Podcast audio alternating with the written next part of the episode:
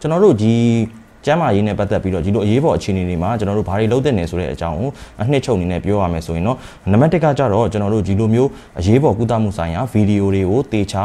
အာကြည့်ရှုမှတ်သားထားသင့်ပါတယ်လိုအပ်မယ်ဆိုရင်ကိုယ့်ရဲ့ဖုန်းထဲကို save လုပ်ထားသင့်ပါတယ်အဲလိုအပ်တိုင်းပြန်ပြီးတော့ကြည့်နိုင်အောင်ဖြစ်ပါတယ်ခင်ဗျာ အခုလိုမျိုးအချိန်ကခါလေကြာရင်အင်တာနက်မရတာ Wi-Fi မရရလည်းဖြစ်နိုင်တယ်ဖြစ်တဲ့အတွက်ကိုယ့်ရှိမှာဒီလိုမျိုးဗီဒီယိုတွေရထားပြီဆိုရင်တခြားသူကိုလည်းဖြန့်ဝေပေးဖို့လိုအပ်ပါတယ်ဒီဇာပြာနဲ့ပဲဖြစ်ဖြစ်တခုခုနည်းနဲ့ဖြန့်ဝေဖို့သင့်ပါတယ်နောက်တစ်ချက်ကကြတော့ဗာလဲဆိုကိုယ်တိုင်တတ်ထားတဲ့ပညာတွေကိုလည်းကိုမိသားစုဝင်တွေကိုတငယ်ချင်းမိတ်ဆွေကိုလည်းတေချာဖြန့်ဝေတင် जा ပေးထားမယ်ဆိုရင်အကုန်လုံးကူးတာကဲ့တယ်ပေးနိုင်မှာဖြစ်ပါတယ်နောက်တစ်ခုကကြတော့ကျွန်တော်တို့ဘာလုပ်တင်သေးလဲဆိုတော့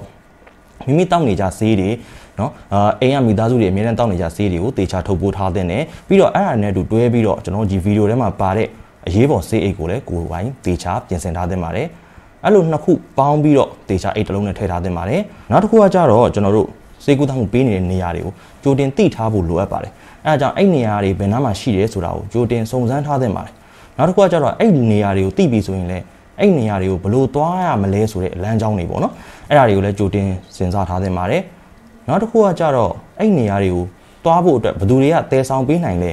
ဘယ်သူကပို့ပေးနိုင်လဲပေါ့နော်အဲဒီ private ambulance ကားတွေနဲ့သွားရမလားဆိုင်ကယ်နဲ့သွားရမလားကားနဲ့သွားရမလားဒါမှမဟုတ်ရင်လှေတွေနဲ့သွားရမလားပေါ့နော်အဲ့လမ်းကြောင်းတွေတည်ပေးနိုင်မယ့်သူတွေအကုန်လုံးလည်းတေချာစုံစမ်းထားသင့်ပါတယ်ပေါ့နော်ဒါမှသာကျွန်တော်တို့ကတခုခုဖြစ်ခဲ့တယ်ဆိုရင်ကျန်းမာရေးအတွက်အသင့်တော်ဆုံးနေအောင်ရောက်ရှိမှာဖြစ်ပါတယ်